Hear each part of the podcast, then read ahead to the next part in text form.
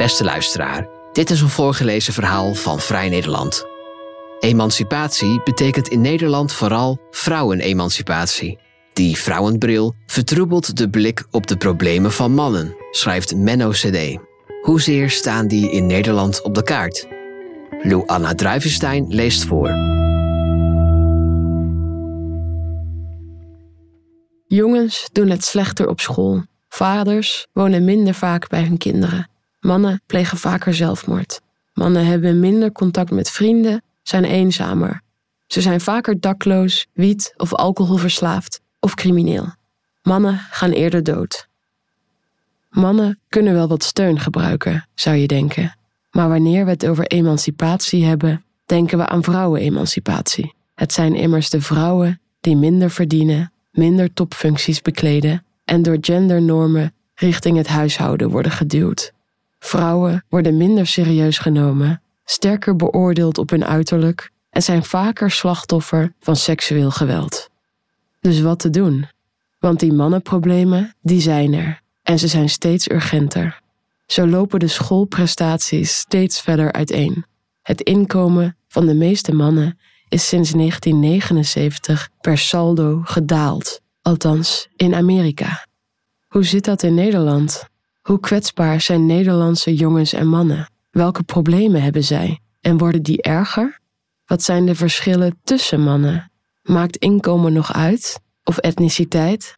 Wat kan eraan worden gedaan? Wat gebeurt er al? Daar ga ik me de komende tijd in verdiepen en ik krijg graag tips. In Nederland staat het zogenaamde mannenprobleem amper op de kaart, zegt Lauke Woltering op zijn zolderkamer vol boeken in Hartje, Utrecht. Hij werkt al sinds 1974 met jongens en mannen, in eerste instantie ter bestrijding van seksueel geweld.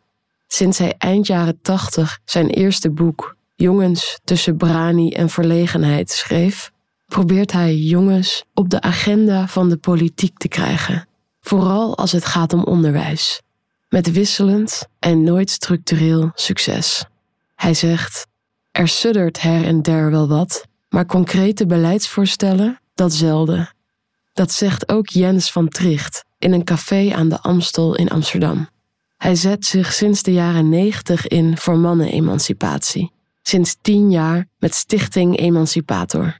In mei verscheen een geüpdate versie van zijn boek Waarom feminisme goed is voor mannen uit 2018.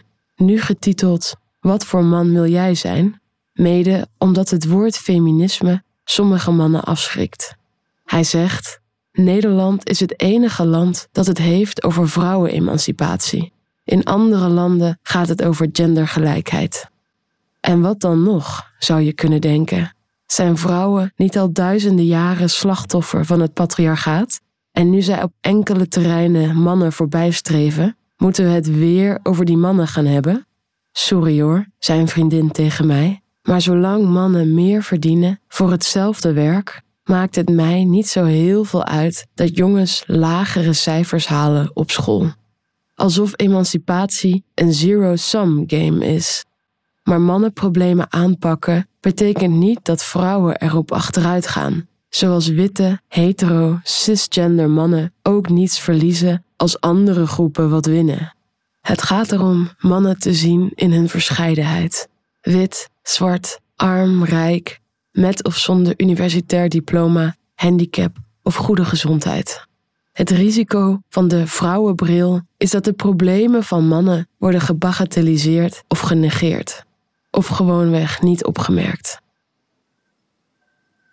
Ja, mannen werken meer dan vrouwen, maar bij mensen met een Marokkaanse migratieachtergrond die in Nederland zijn geboren, is dat andersom en de arbeidsparticipatie van jonge mannen nam tussen 2008 en 2018 af.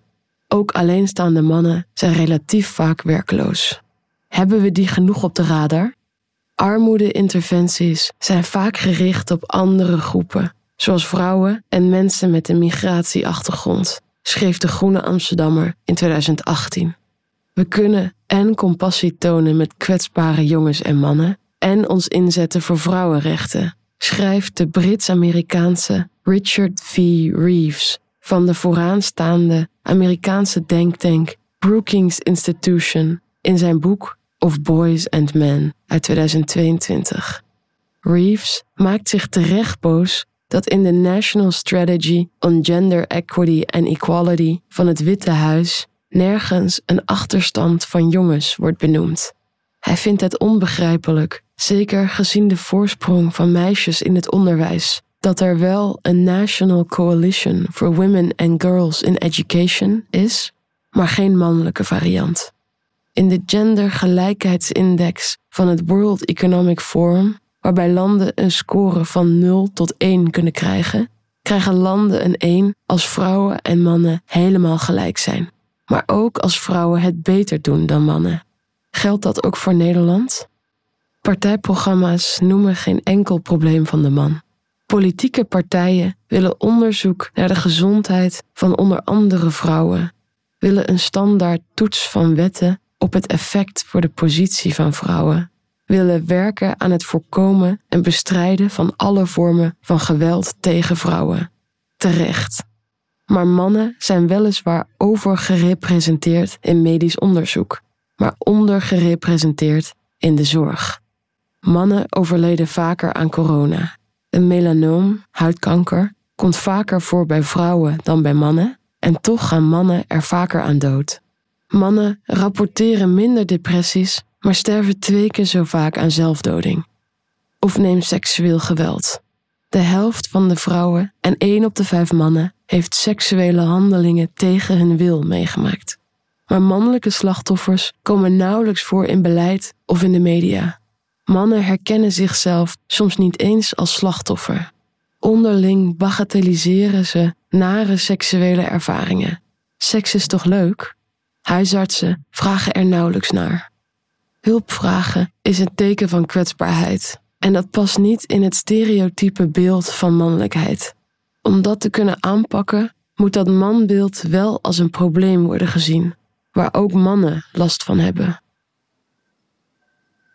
Mark van Ostaaien, bestuurssocioloog aan de Erasmus Universiteit, publiceerde in maart een doorvroegd essay in De Groene Amsterdammer, waarvoor hij 50 jaar emancipatiebeleid in Nederland doorvlooide. En het viel me op dat er één kant nooit genoemd wordt, zegt hij in een koffiezaak vlakbij het Centraal Station in Rotterdam. De man dus. Het Nederlandse emancipatiebeleid begon nog als mannen- en vrouwenvraagstuk. Bij de installatie van de eerste politieke adviescommissie voor emancipatie in 1974 zei premier Den Uyl: Het emancipatiestreven dat de regering voor ogen staat, moet leiden tot een grotere vrijheid van keuze voor vrouwen en mannen, zodat zij op eigen wijze hun leven vorm en inhoud kunnen geven. Dat kan zijn deelname aan het arbeidsproces, het sociale en culturele leven of in verantwoordelijkheid voor het gezin. Maar in de jaren 80 en 90 is dat steeds meer verengd tot een arbeidsparticipatievraagstuk, zegt Van Ostaaien, waarbij de vrouw zich moet optrekken aan het niveau van de man. De emancipatiemonitor van het SCP en CBS is een directe vertaling van dat beleid. De eerste zin van de samenvatting van de laatste editie uit 2022 luidt: De Emancipatiemonitor komt sinds 2000 eens per twee jaar uit en bevat de meest recente gegevens over thema's die verband houden met vrouwenemancipatie. De NOS berichtte over de monitor met de kop: Emancipatie vrouwen gaat beter, maar positie nog niet gelijk aan die van mannen. Mannen hebben in de woorden van Mark van Ostaaien, dispensatie van emancipatie. Zelfs de Vandalen verduidelijkt het woord emancipatie als de emancipatie van de vrouw. Een nieuw dieptepunt vindt hij de recente campagne van het ministerie van Sociale Zaken en Werkgelegenheid, met de slogan Meer werken, laat het merken. Daarin komen vrouwen aan het woord die bij hun baas en partner hebben aangegeven meer te willen werken. Het idee kwam van VVD-Kamerlid Judith Thielen. Zij wil dat meer vrouwen meer gaan werken om financieel zelfstandiger te worden. En vooruit ook om het personeelstekort in de zorg en het onderwijs op te lossen. De reclamemakers lijken goed te hebben gekeken naar de campagne Een slimme meid is op haar toekomst voorbereid uit 1990, waarin ook echte vrouwen hun verhaal deden, maar toen over hoe zij financieel zelfredzaam wilden zijn. Waar die campagne de geschiedenisboeken in is gegaan als tamelijk legendarisch, kreeg Meer werken laat het merken direct veel kritiek. Waar waren de mannen in dit verhaal? Volgens Van Ostaaien ligt de campagne precies in lijn met hoe Nederland emancipatie al jaren benadert. Hij zegt: Het is old politics. We laten de vrouw weer door de mannelijke hoepel springen. Ik vind dat tragisch. Sociale Zaken en Werkgelegenheid-minister Karin van Gennep van het CDA hoopte dat vrouwen door de campagne het gesprek aan zouden gaan aan de keukentafel en met hun werkgever. Maar als er één mythe is die 50 jaar emancipatiebeleid heeft overleefd, van links tot lubbers, zegt Van Ostaaien, dan is het de mythe van de vrije keuze. Een mythe die ontkent dat mensen door sociale structuren in een bepaalde manier van handelen worden gedrukt. Zoals normen over betaald en onbetaald werk of over moeder- en vaderschap. Van Ostaaien zegt: Als een vrouw ervoor kiest om voltijds te gaan werken, dan staat er een leger klaar om te zeggen dat ze geen goede moeder is. Uitgebreide, verplichte verlofregelingen voor vaders en gratis kinderopvang, daar is Van Ostaaien voor. Maar hij noemt ze speldenprikjes. Er is een normverschuiving nodig, vindt hij, met daaronder de vraag: wie moet hier eigenlijk geëmancipeerd worden? Jens van Tricht zegt: De overheid definieert emancipatie heel traditioneel. Vrouwen moeten meer aan het werk en beschermd worden tegen geweld.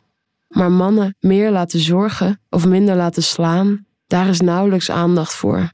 We moeten ons perspectief veranderen en gaan kijken naar de rol van jongens, mannen en mannelijkheid. Dat idee is niet nieuw.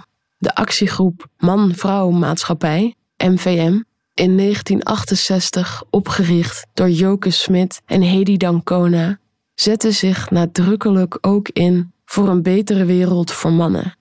In het lied Er is een land waar vrouwen willen wonen, reserveert Smit er een heel couplet voor. Er is een land waar mannen willen wonen, waar jongens van de plicht tot flink en stoer doen zijn bevrijd, waar niemand wint ten koste van een ander. En man zijn ook betekent zorgzaamheid, waar angst en rouw niet weggemoffeld worden, waar mannen zonder baan niet denken dat ze minder zijn, waar vrouw en man elkaar niet hoeven haten, maar eindelijk bondgenoten kunnen zijn. Lauk Woltering voelde zich er als twintiger toe aangetrokken, maar, zegt hij nu, de M in de MVM is helemaal weggevallen. Moeten we eigenlijk wel spreken van mannenemancipatie? Om de vandalen er weer bij te pakken, die definieert emancipatie als het toestaan of verwerven van gelijke rechten aan of door een groep die was achtergesteld. Achterstelling gaat uit van een passieve positie, waaraan de achtergestelde groep weinig kan doen die is een speelbal van een alles overheersend systeem. En door welk systeem wordt de witte hetero man nu precies achtergesteld? Het woord mannenemancipatie roept weerstand op, merkt Jens van Tricht, die het al 30 jaar bezigt.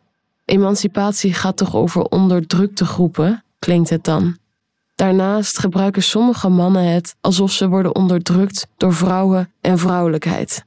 Ik denk dat mannen ook onderdrukt worden, maar vooral door het patriarchaat en dominante opvattingen over mannelijkheid.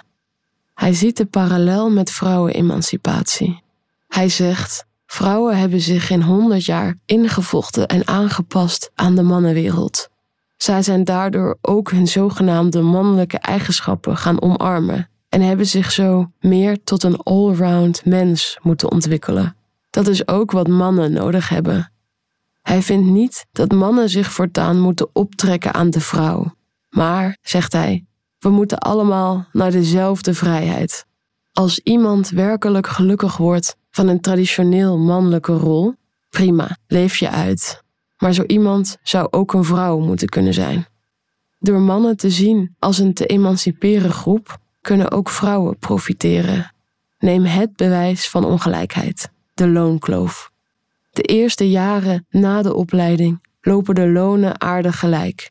Het uurloon van jonge vrouwen ligt zelfs hoger dan dat van jonge mannen, en al helemaal bij de overheid.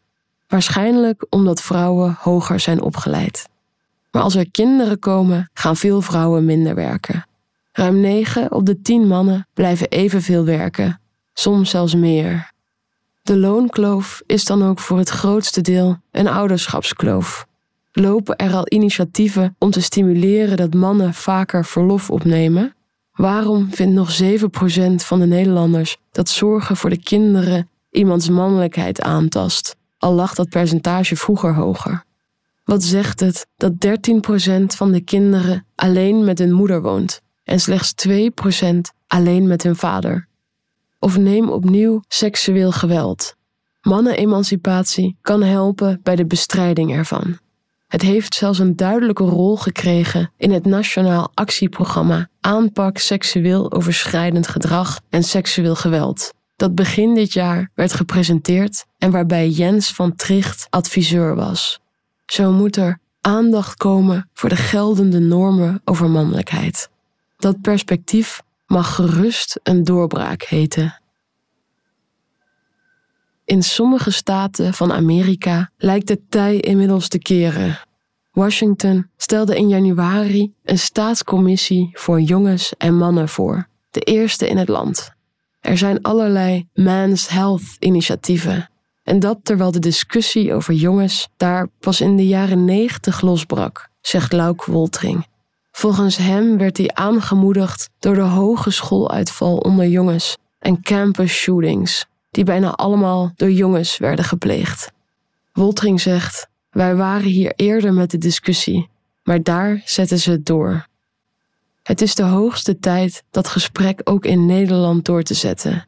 Op dit moment zijn het vooral conservatieve groepen die worstelende mannen aanspreken.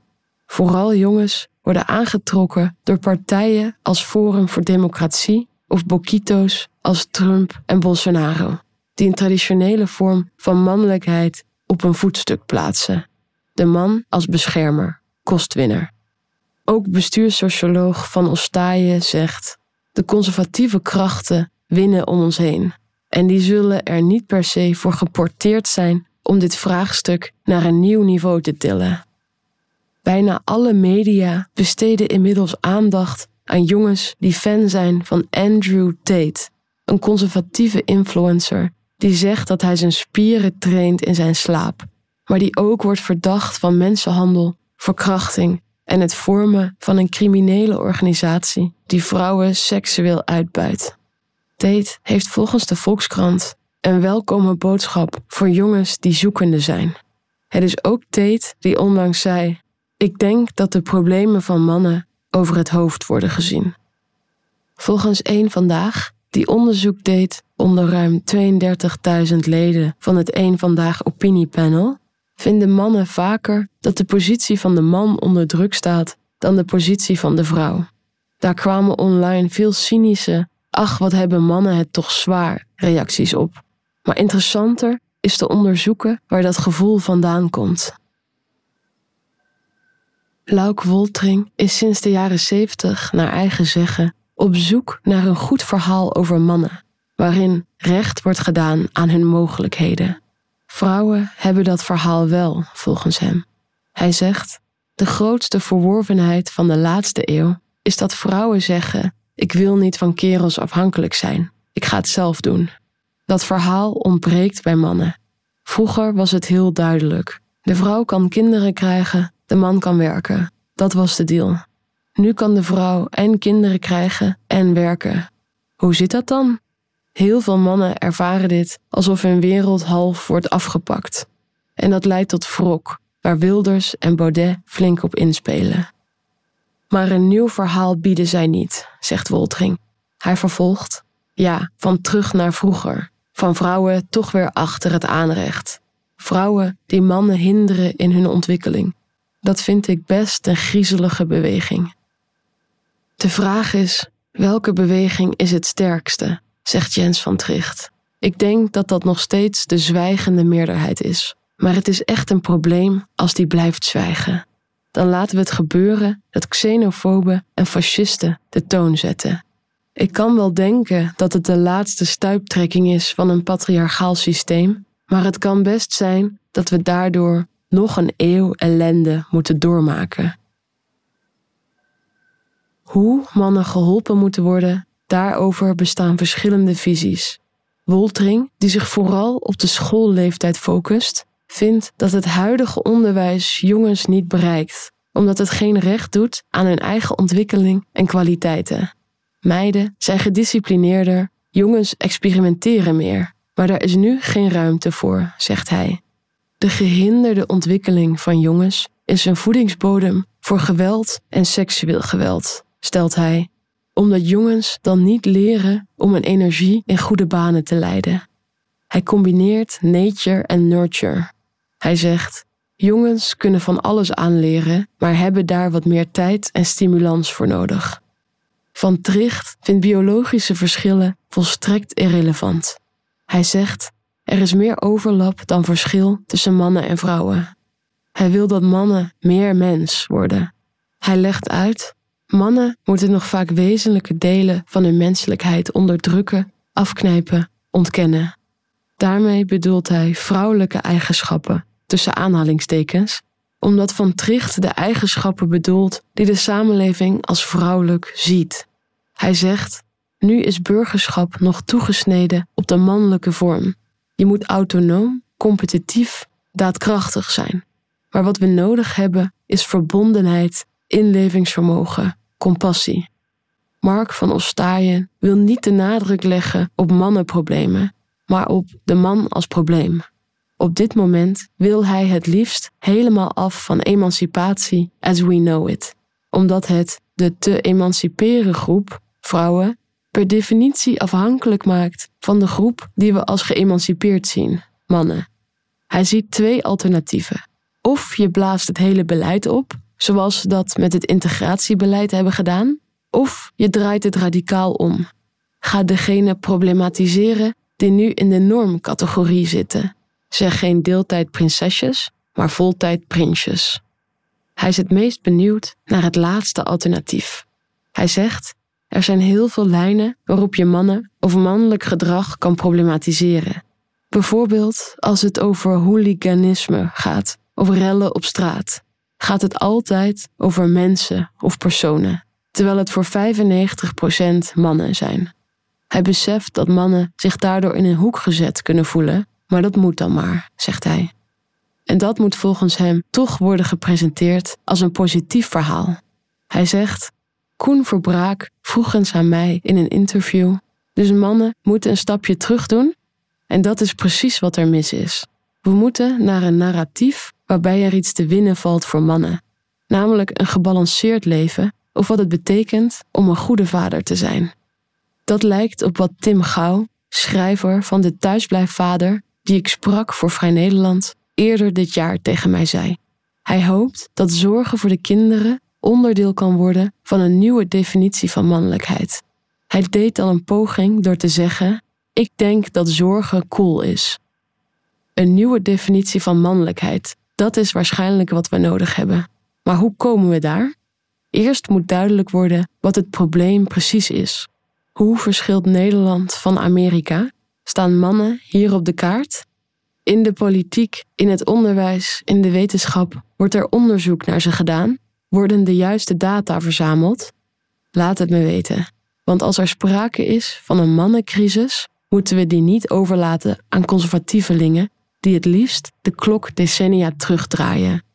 Een progressief antwoord is dan urgent. Reageren? Mail Menno CD op mlcd.gmail.com. Dat is mlsedee at gmail.com. Deze publicatie is tot stand gekomen met steun van het Fonds Bijzondere Journalistieke Projecten. www.fondsbjp.nl